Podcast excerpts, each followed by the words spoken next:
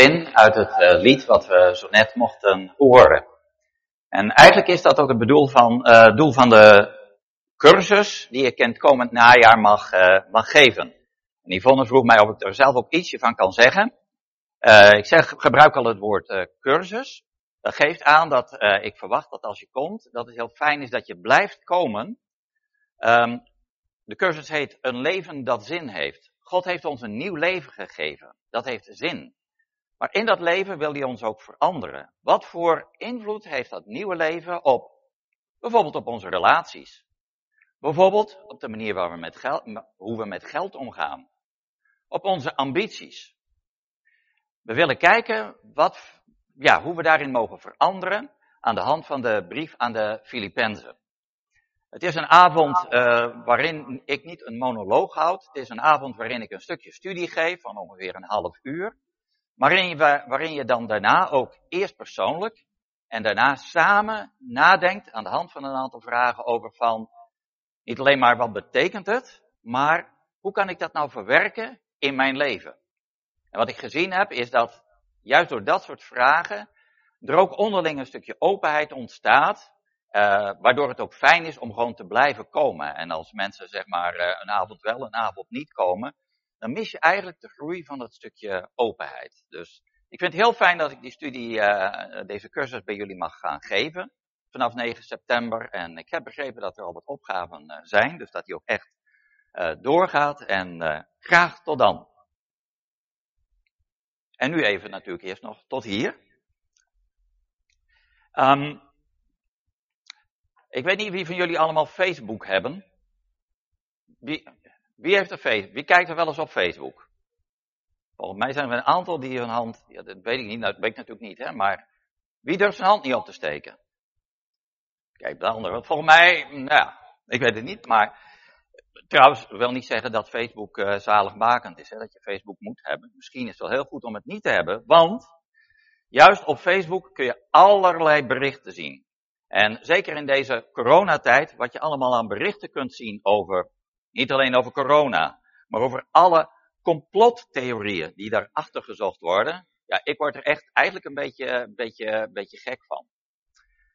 En wat ik, wat me meest, ja, verbaast, en eigenlijk ook verdriet doet, is dat het niet gewoon in de maatschappij dat je allerlei complottheorieën hebt, maar dat het ook een tijd is waarin aan de ene kant positief gewezen wordt op de komst van de Heer, maar waarin ook alle tekenen van de tijden precies geduid worden, en waarin eigenlijk alle complottheorieën op het christelijk erf nog eens dunnetjes overgedaan worden. Bijvoorbeeld dat uh, als we een inenting krijgen, dat er dan meteen een chip uh, bij ons ingespoten wordt, en dat is dan de vervulling van, nou ja, openbaring zoveel. En, of ja, ik, ik denk ergens van hoe komen ze erbij? Maar er zijn er ook mensen die, en misschien jullie ook wel, dat je soms ook denkt, ja maar wat betekent dat nou allemaal? En dat je er misschien wel bang van wordt. En wat mij dan bemoedigt, is in feite hoe God zich presenteert, wie God is. En uh, het liedje stond net al in control, God is in control. En daar wil ik eigenlijk in uh, dit moment over nadenken. En ik wil dat doen aan de hand van een heel bijzondere naam of titel van God, die je vindt in het boek Openbaring. Oeps, boek Openbaring, ja. Is dat nou een boek wat dan eigenlijk me rust geeft, dat me gerust stelt? Het boek Openbaring, dat is toch dat apocalyptische boek met allemaal oordelen en zo? Eigenlijk is dat heel raar en, en, en wel jammer dat, dat er vaak zo naar het boek Openbaring gekeken wordt. Het boek Openbaring, hè, de naam al, dat is inderdaad op zijn Grieks heet dat apocalypsis. En dan denken wij aan apocalyptische gebeurtenissen. En dat is eigenlijk gebeurtenissen die ons angst inboezemen. Maar het is eigenlijk niet de betekenis van de naam van dat boek. De naam van dat boek betekent, zoals de Nederlandse vertaling zegt, Juist dat God ons iets wil laten zien, ons iets wil openbaren, ons iets duidelijk wil maken. Ons niet in het ongewisse wil laten of angst wil aanjagen, maar ons wil laten weten wat er gebeurt. Juist opdat we ook weten van, ja, maar dit gaat gebeuren, maar ik sta erachter, Ik sta er, nog mooier, ik sta er boven. Ik ben in control. En dan mogen we rust en vertrouwen vinden door de naam, de namen van God. Je vindt verschillende namen eigenlijk in het boek Openbaring die heel uniek zijn voor dat boek. Je vindt de namen die, uh, of titels die je ook wel op andere plekken in het Nieuwe Testament vindt. Bijvoorbeeld dat God, dan wel de Heer Jezus, de koning der koningen is. En de Heer der heren is. Dat schrijft Paulus ook. En Petrus zegt zelfs in een uh, toespraak bij Cornelius dat Jezus aller Heer is. De Heer van iedereen is. Hij staat en heeft gezag boven, over iedereen. Hij is aller Heer. Maar er zijn ook een aantal namen die zijn heel specifiek voor het boek Openbaring. Uh, bijvoorbeeld, uh, waar God zegt, ik ben de Alpha en de Omega. Of het begin en het eind. De eerste en de laatste. En eigenlijk zijn dat drie, je zou kunnen zeggen, titels, die, die eigenlijk met elkaar samenhangen.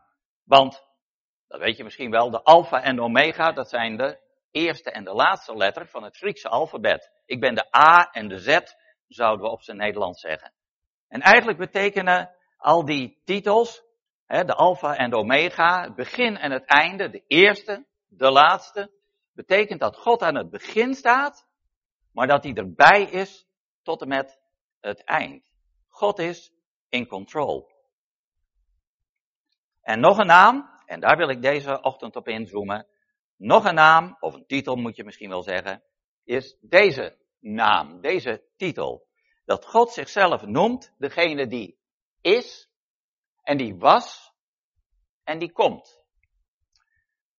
En als je dit zo, zo ziet, zo leest, welke twee dingen val je misschien aan die naam, aan die titel op? Wie durft? Het zijn werkwoorden, dat is zelfs een extra. Uh, klopt, een hele mooie. Uh, er zit heden, verleden, toekomst. Maar wat valt je op wat misschien wel een beetje, hé, hey, van dat had ik anders verwacht. Nou wordt het een uitdaging. En ja, jij zegt van, hè, ik had verwacht, die was, die is en die komt. Dat is al een eerste opvallende. En de tweede?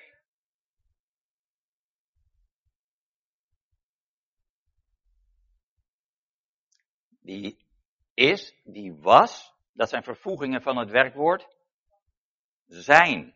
Dus die in de toekomst zijn zal. Nee, die komt. Dat is echt een ander werkwoord. Niet alleen in het Nederlands, maar ook in het Grieks. Dus twee opvallende dingen. God is degene die is. En misschien dat God ermee begint, in ieder geval is dat de bemoediging die eruit haalt, om te laten weten van, ik ben er nu. Eigenlijk een beetje hetzelfde als wat in de naam van God is, de ik ben. Ik ben die ik ben, betekent, als hij die naam aan Mozes vertelt, betekent dat ook, ik ben er nu en ik ben er voor jou, voor jullie, voor het volk. Ik ben degene die genadig en barmhartig is. Ik ben er. Ik zie alles. Ik weet alles. Maar ook, ik leef dus mee met alles. Ik zie alles in het wereld gebeuren. Maar ik zie ook alles in jou en mijn leven. God ziet alles in ons leven en hij leeft daarin mee. Hij is erbij betrokken. Hij is er. Ook hij is degene die was. Dat betekent dat hij dus aan het begin er ook stond. Hij is de, hij is de schepper. Hij is degene die aan het begin van alles staat. Maar niet alleen aan het begin van alles, aan het begin van de schepping, van de kosmos, van de aarde. Hij staat ook aan het begin van jou en mijn leven. Zoals in een psalm staat, dat toen wij geweven werden in de schoot van de moeder, dat eigenlijk God het was die ons weefde in de schoot van de moeder toen wij ontstonden als een eencellig wezentje en groeiden. God was erbij vanaf het begin. Het begin van de schepping en het begin van jou en mijn geschiedenis hier op aarde.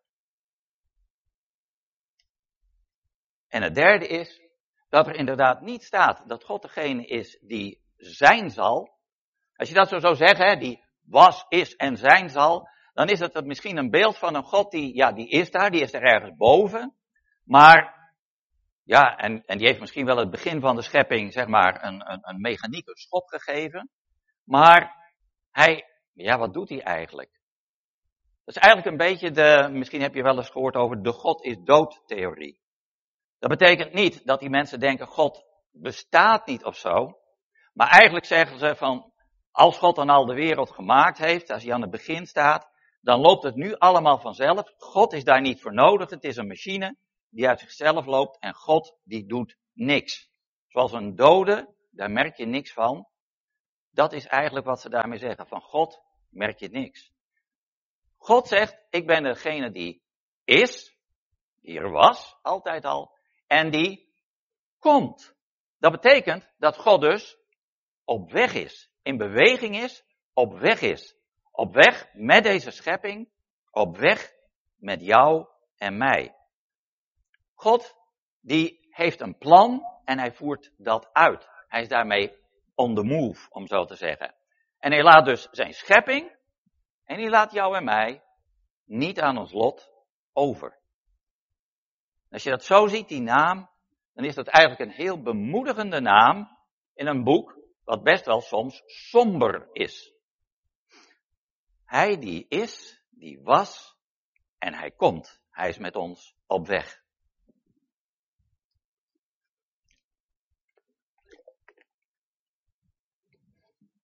En ik wil met jullie drie stukjes lezen uit het boek Openbaring, waarin die naam van God voorkomt. Um, je snapt wel dat in zo'n klein uh, bestek uh, van een half uurtje, uh, dat ik geen hele uitleg van het boek Openbaring kan geven. Uh, mocht er na de cursus ik nog eens een keer welkom zijn, dan wil ik best eens een keer een serie, uh, heb ik al eens gegeven, van vijf avonden over het boek Openbaring, hoe ik dat lees. Ehm, maar dat wil ik nou niet doen. Het gaat mij eigenlijk erom van de bemoediging, als God zich voorstelt in dat boek, als degene die is, de zijnde eigenlijk, want, um, moet ik even nadenken, ben je naam, Margriet geloof ik, hè, die zei wel van zijn werkwoorden, dat klopt. In het Grieks heel uh, precies gelezen is, staat er, ik ben de zijnde, degene die er was, de, de, de, ja, we kunnen dat in het Nederlands moeilijk zeggen, hè? De, de warende en de komende. Um, God stelt zich zo voor. En daar mogen we, dat mogen we lezen. En daar wil ik uh, ja, bij stilstaan en nog een stukje extra bemoediging uithalen. We gaan eens even kijken hoe. Ah, het is helemaal zichtbaar. Ik weet niet of je het kunt lezen. Ik lees het uit de zogenaamde Telos-vertaling. Zoals die ook daar op de sheet staat. Dus je kunt op de sheet meenemen. Je kunt je ook je eigen Bijbel pakken. Als je de herziene statenvertaling hebt, dan lijkt het behoorlijk veel erop. Het eerste stukje is uit openbaring 1. Dus meteen al aan het begin stelt God zich zo voor als degene die was, die is, die was en die komen zal.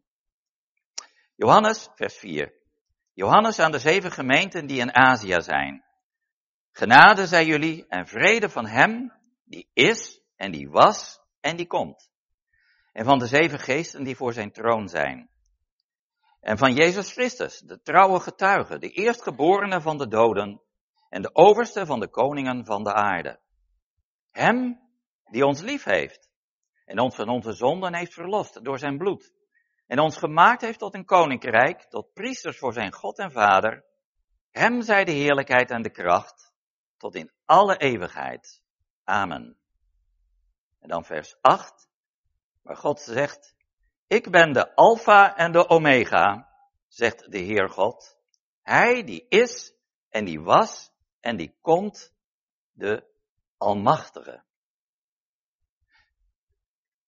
In dit boek, waar je zou kunnen zeggen best wel dingen zijn waar je nou onder de indruk van kan raken en ook ziet van er, God zegt, uh, er komen best duistere, donkere tijden. En hij vertelt ons dat juist zodat we er realistisch op voorbereid zijn. Maar ook weten, hij is erbij. Juist in dat boek mag Johannes beginnen met ons genade en vrede toe te wensen van degene die is en die was en die komt. Genade zijn jullie en vrede. God die geeft ons genade voor de situatie waar we in zijn. En dan mogen we ons realiseren dat, zeg maar heel globaal genomen, dat de genade die wij nodig hebben, en die hebben jij en ik nodig, heel anders is dan bijvoorbeeld de genade die de gelovigen in Libanon, en trouwens mensen in Libanon, in Beirut, nodig hebben. En die is weer anders dan de genade die de vervolgde christenen nodig hebben in bijvoorbeeld Iran en dergelijke. je moet zeggen van ze hebben veel meer genade nodig. Ze hebben andere genade nodig. Maar ik vertel dat om aan te geven dat als het gaat om moeilijke tijden, dat wij relatief gemakkelijk leven in het Westen. Eh, in het vrije Westen. En dat er gelovigen zijn die nu al best wel uh, in ieder geval de vervolging ervaren die ook in het boek Openbaring beschreven wordt. En Gods genade is bij hen en Gods genade is bij jou en mij. En als je al die berichtgeving, dus niet alleen maar het boek Openbaring leest, maar ook al die berichtgevingen, en je hebt je misschien uh, ja, bent meegenomen in uh, de berichten die er, verschenen, die er verschenen zijn over alle complottheorieën en alle links met, uh, de met ja, zeg maar, verschillende hoofdstukken in openbaring.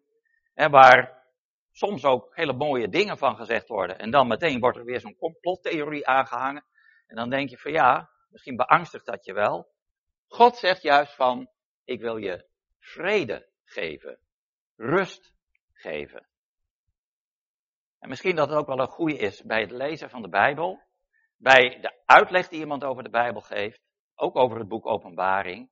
Krijg je daar vrede, rust bij. Even afgezien natuurlijk van het feit dat soms de Heilige Geest aan jouw geweten peutert. En dan word je misschien wel eens onrustig. Ja, dat is dan een goede onrust.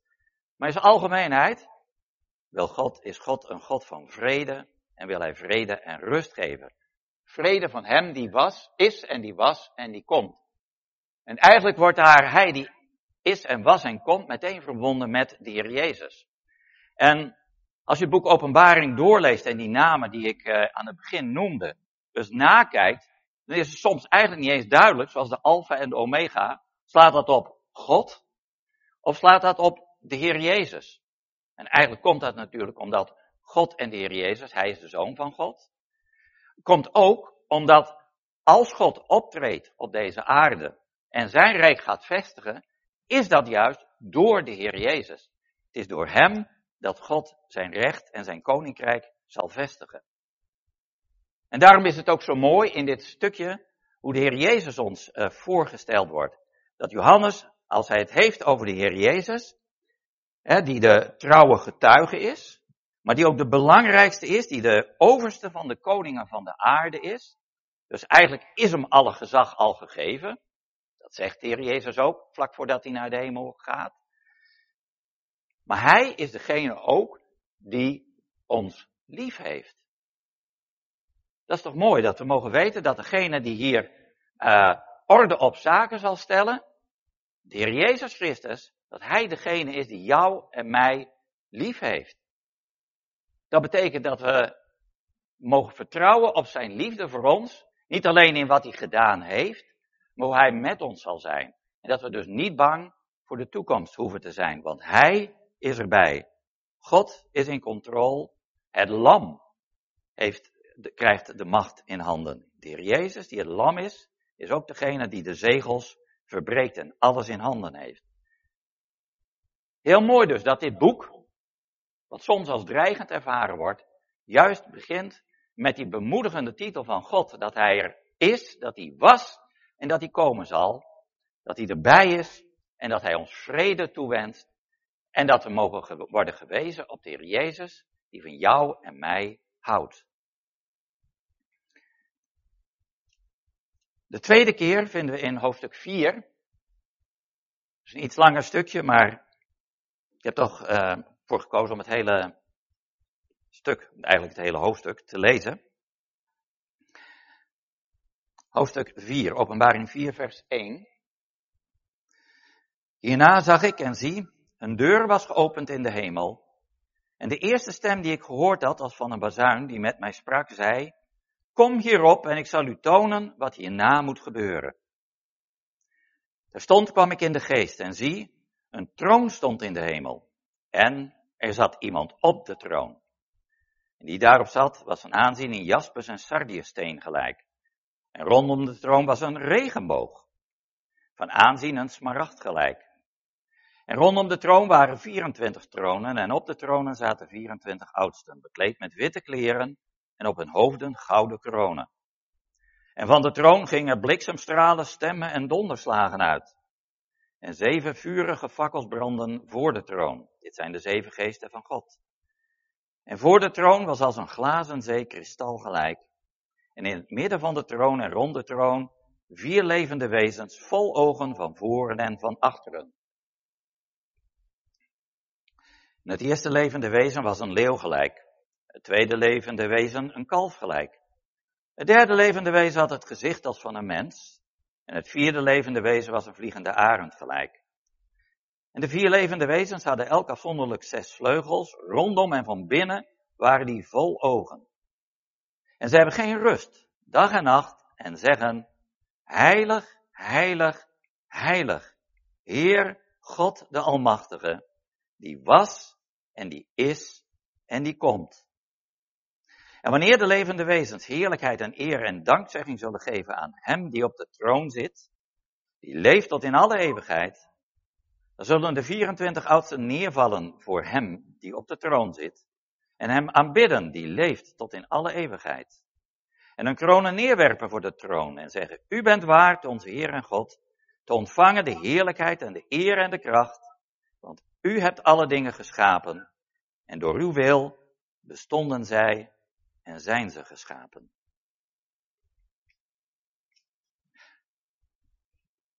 Eigenlijk begint met uh, dit hoofdstuk 4 een, een, tweede stuk in het boek Openbaring. Een, uh, een stuk wat ook begint met het woord, sorry, even terug, het woord hierna. Um, zoals ik al zei, ik wil niet een hele ja, verhaal over het boek Openbaring houden. Maar de twee stukjes die we nog nu net gelezen hebben en het stukje wat we straks zullen lezen, zijn eigenlijk het begin en het eind van een eerste groot stuk. Dat begint met een deur die was geopend in de hemel. Als je hoofdstuk 11 het laatste vers leest, dan zie je dat er weer een deur wordt geopend. En dan krijgt Johannes iets anders te zien. De tabernakel, de ark van God. Ik denk dat we hier eigenlijk God uh, iets van, aan Johannes laat zien in het eerste stuk over heel het wereldgebeuren, hoe God met deze wereld op weg is. En dat hij in het tweede stuk inzoomt op hoe hij met Israël op weg is. Je kunt dat ook zien, want we zien een troon en rondom die troon is een regenboog. Um, die heb ik hier in groen aangegeven. Ik heb nog zitten aarzelen of ik steeds andere kleurtjes in die lettertjes zal geven, maar eerlijk gezegd was me net even te veel, uh, te moeilijk. Maar Johannes zag een regenboog. En voor mij, waar doet de regenboog mij aan denken? Aan toen hij voor het eerst genoemd werd in de Bijbel dat hij kwam, dat was met Noach. De regenboog is een teken van Gods trouw. Als Johannes hier te zien krijgt hoe het met deze aarde zal gebeuren, als God gaat optreden, en dan niet in het verborgen zoals nu, want God treedt ook nu op. God heeft nu ook de touwtjes in handen. Maar als je dan vraagt van zien de mensen dat? Nee. Zien wij dat altijd? Nee, ook niet. Daar is ook een stuk vertrouwen dat God het toch heeft. En we zien daar iets van, maar dan zal het zichtbaar worden. Maar als dat gebeurt, dan laat God eerst zien die regenboog. Hij zegt, ik ben een God van trouw. De God die gezegd heeft van, ik zal nooit meer een watervloed over de aarde laten komen. God is trouw aan zijn woord. We kunnen hem op zijn woord vertrouwen. En het tweede is dat we zien, en in eerste wordt het nog een beetje vaag genoemd, er zat, ja, er wordt een troon genoemd. Een aantal keren wordt die troon genoemd en alles wat er omheen is, daar wil ik uh, nu niet op ingaan. Maar die troon zelf wel. Want die troon die is niet leeg. Er zat iemand op de troon, zegt Johannes. En toen we verder lazen, werd ook wel duidelijk wie er op de troon zit. Namelijk God de Heer, degene die was en die is en die komt. Degene die alles in handen heeft, die zit op de troon namelijk. Hij is degene die alles regeert. En God is de Almachtige. In het vorige stukje kwam die naam ook al voor. En in het volgende stukje zullen we die naam ook weer tegenkomen. God, die is, die was en die komt. Hier staat het net andersom. Die was en die is en die kom, komt. Die God is de Almachtige. Betekent de Almachtige, dat is mij ooit, of ja, mijn zusje eigenlijk op de middelbare school wel eens gevraagd van, uh, God, uh, oh, dat betekent dat God alles kan. En er werd er eigenlijk de hele, ja, als je erover nadenkt, rare vraag gesteld van, kan God dan een steen maken die zo zwaar is dat hij niet op kan tillen? Weet je, ik heb dan nu, toen was ik nog niet zo slim hoor, ben ik nou slim. Nu zou ik zeggen van, joh, maar als je iets zoekt wat God niet kan, en dat ligt eigenlijk een beetje in het verlengde daarvan, God die kan niet liegen. En eigenlijk is dat ja, met een, voor mij is het een soort ja, contradictie in, in termen. Dat kan God niet, want eigenlijk kan God niet liegen. Als hij dat zou doen, zou hij eigenlijk ons bedriegen. Want het is een logische strijdigheid. Het zegt helemaal niks over het feit of God wel of niet almachtig is. Wat betekent dat God, wat betekent dat, dat God almachtig is? Dat betekent dat hij alle macht en gezag heeft, dat zit in dat woord. Maar dat betekent ook dat hij alles kan wat hij wil. Dat niets en niemand hem kan tegenhouden in het volvoeren van zijn plan. En dat betekent dus dat we, we mogen iets weten van Gods plan. Nou, iets. In de reisgids, als we die gaan uh, lezen inderdaad, dan in die reisgids vinden we heel veel over wat God van plan is. Genoeg voor ons om te weten. Wat we nodig hebben, dat heeft God ons in zijn woord gegeven. En dan mogen we weten dat God de Almachtige is die dat plan ook zal uitvoeren. Hij komt, hij is op weg, hij voert zijn plan uit. God is degene die op de troon zit. En degene die er altijd is. Degene die ook, zo wordt hij hier ook genoemd, aangeduid als degene die eeuwig leeft. God was er voor alles en God zal er zijn ja, na alles. Ik weet niet hoe dat, of je dat zo mag zeggen, want dat zou betekenen dat alles stopt. Dat is niet waar. Er komt een nieuwe hemel en een nieuwe aarde, een nieuwe eeuwigheid. En hoe die zal zijn en wat voortgang of tijd, als je het zo noemen wil, daar zal zijn. Ik heb geen idee, maar het zal heel bijzonder zijn. Maar God is er altijd bij. En God is ook de heilige. Dat is wel heel duidelijk uit dit stukje, dat alles in de hemel vol ontzag is voor God. Wie Hij is, de heilige, de heel andere. Degene die ook uh, al het kwaad wat hier op de wereld is, daarmee zal afrekenen. Die je, zoals soms mensen doen, daar niet de schuld van moet geven. Maar die juist de oplossing daarvoor wil geven. Hij is de heel andere. Hij is de heilige. Degene die ontzag toekomt. Degene bij wie geen onrecht past. Dat is ook best wel indrukwekkend. En als iemand echt onrecht bedrijft, dan is dat eigenlijk ook best om te beseffen, maar er is een God die heilig is, die daar niets mee te maken wil hebben. En als je met je onrecht en zonder oplossing voor God zou komen, dan is dat eigenlijk verschrikkelijk. Gelukkig dat we juist aan het begin van het boek gezien hebben dat er iemand is die voor ons gestorven is en die ons van onze zonden gereinigd heeft, gewassen heeft of verlost heeft uit onze zonden. Daarom mogen we vol ontzag zijn voor God, de Heilige, maar hoeven we niet bang te zijn. Maar God laat het onrecht niet maar steeds voorbij gaan. God is degene die ingrijpt. God is degene die, zoals ik al zei, uh, deze aarde gemaakt heeft en daarmee onderweg is. In zijn trouw, de regenboog. En eigenlijk is dat ook waar het hoofdstuk mee eindigt. Dat God de schepper is. U hebt alles geschapen. Geeft ook aan waarom ik denk dat in dit stuk het vooral over de hele wereld, het hele aardrijk uh, gaat. Het gaat erom hoe God, die het alles gemaakt heeft, ook met dat alles tot zijn doel komt. En dat mag ons vertrouwen geven. God is in control. Hij komt tot zijn doel. En dan tenslotte gaan we naar hoofdstuk 11.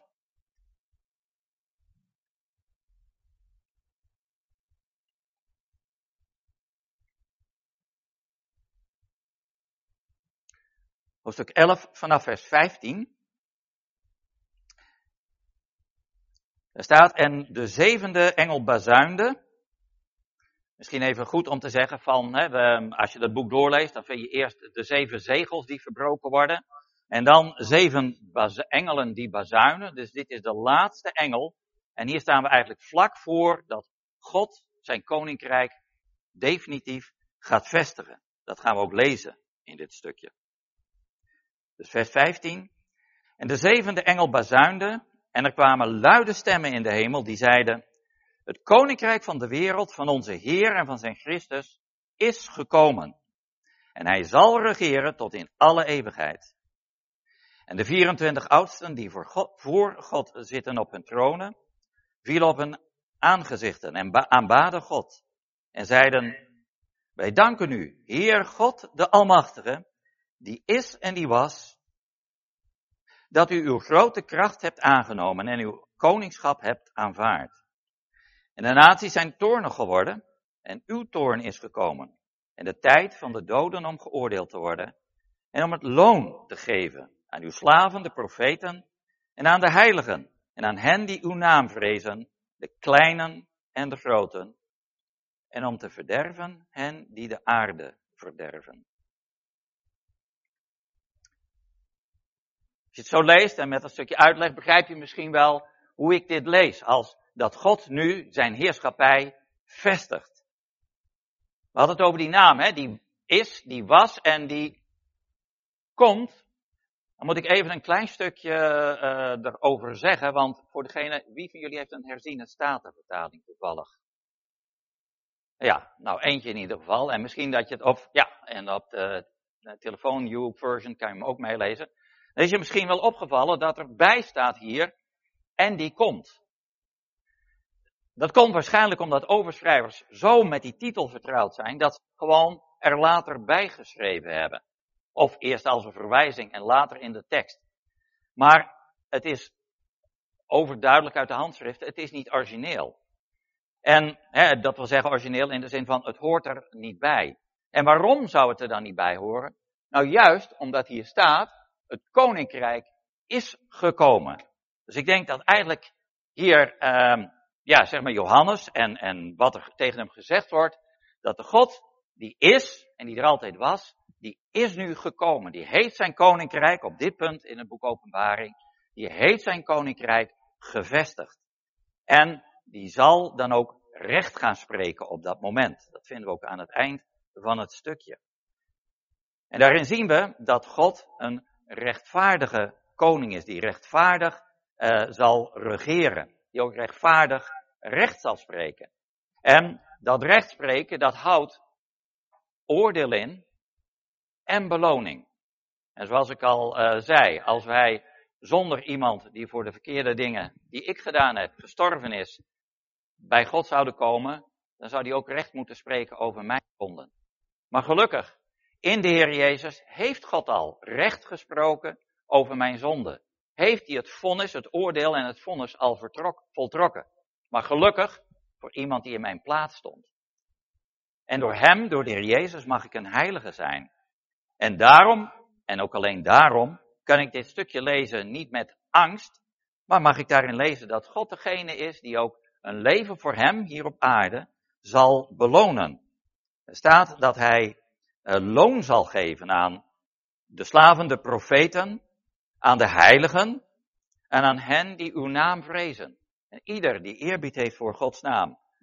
En God weet hoe je gehandeld hebt uit eerbied voor Gods naam. Wat jij in jouw leven voor hem gedaan hebt. Er staat, eh, de, hen die uw naam vrezen, de kleinen en de groten. Um, dan moet je natuurlijk niet denken aan, ben je nou korter? Of ben je nou heel lang, meer dan twee meter? Daar gaat het natuurlijk niet om. Ik denk dan meer aan, als ik denk aan de groten, nou dan denk je misschien wel aan iemand als Billy Graham. Die voor, nou misschien wel een miljard mensen, aan een miljard mensen, het evangelie heeft gebracht. En denk je, ja, die zal wel loon krijgen. Nee, niet alleen de groten. Het is ook gewoon jij en ik, die op ons eigen plekje, bij ons werk, thuis, op school, uh, de sportvereniging waar je naartoe gaat, die daar iets van de Heer Jezus laten zien. God, die weet dat te waarderen en die zal loon geven. Degene die is en die was, zal komen en daarin aan Hem mogen we ons leven toevertrouwen. Dat is wat ik eigenlijk in dit, uh, deze ochtend zo aan ons heb mee willen geven. Dat God, die was en die is en die komt, dat hij het hele wereldgebeuren in zijn handen heeft. En daarom mogen we op, op hem vertrouwen wat het hele wereldgebeuren betreft. En wat voor onheilsprofetieën en, en complottheorieën er ook, ook mogen komen.